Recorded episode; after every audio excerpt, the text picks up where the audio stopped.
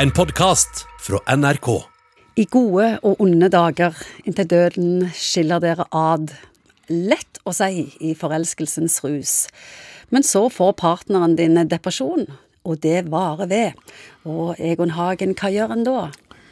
Ja, det er jo noe med, som du sier, i gode og onde dager. Så det er klart at eh, når sånne ting skjer, så er jo litt avhengig av type forhold har du. Altså Har du et forhold som har sjangla på veldig mange andre områder, så klart at da er jo prosjektet Vaklende. vaklende. sant? Det, og, og det viser seg jo at en del sånne store tragedier i livet, som å miste et barn f.eks., eller det, det øker ikke sannsynligheten for at forholdet overlever, faktisk.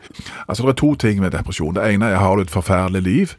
Altså det, det, Da kan du bli deprimert. Og Hvis du ikke har et forferdelig liv, du har et bra liv, du har et bra forhold, du er på jobb, du har venner, du har fritidsaktiviteter, du er aktiv fysisk, og hvis du fremdeles er deprimert, så er det større sannsynlighet for at dette har en sånn biologisk eh, greie.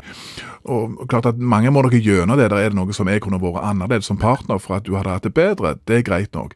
Men jeg tror, nok de fleste vil se på seg selv som pårørende etter en stund.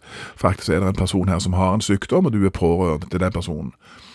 Og hvordan du håndterer dette er jo, som jeg sa, det er avhengig av hva, hva denne depresjonen kommer på toppen av.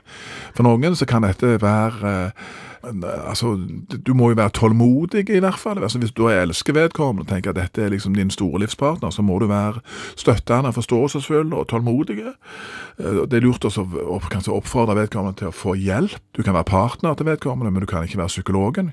Og det er veldig viktig. Altså prøve å motivere til å gå og få hjelp. Altså ta denne samtalen med fastlegen til å begynne med, og så ta det derfra. Og og så alle de andre tingene, hvordan, at dere kan snakke sammen. Hva, hva, hvordan skal du være som partner for den andre? Så har det kanskje gått mange, mange år, og han har vært i denne tralten lenge. Den ene ligger på sofaen og vil ikke være med på noen ting. Hvordan beskytte en egen helse i dette? Ja, det er det neste punktet. Det er den andre personen, så er det dere to sammen, og så er det deg. Hvordan er det fatt med deg, og hvordan, eh, hvis da den viser seg at noen ganger så kan sånne tilstander bli ganske kroniske. Ikke ofte, men de kan bli det.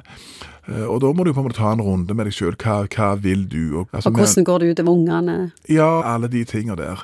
Og, og, og det er jo tusen forskjellige måter å, å ordne dette på, og det, det er ingen, ingen psykolog som kan si hva som vil være riktig. Men det er en dimensjon knyttet til deg sjøl òg, og ditt liv, sånn at ikke du bare blir en, en, en pleiemedhjelper for til en annen som har en kronisk lidelse. Og da må noen si at faktisk, jeg tar den rollen, jeg, det, det var sånn mitt liv blir, blei, og kjærligheten er så stor at jeg, vil, jeg blir bare i dette. Og, og det må vi òg respektere. Mens andre vil si at dette, jeg kan ikke, jeg greier det ikke, jeg flyter ikke sjøl lenger, jeg er i ferd med liksom å bli med ned i dette dragsuget. Så der er det forskjellige måter å, å håndtere dette på. Men du må følge litt med på den indre kanalen din òg. Du har hørt en podkast fra NRK. Hør flere podkaster og din NRK-kanal i appen NRK Radio.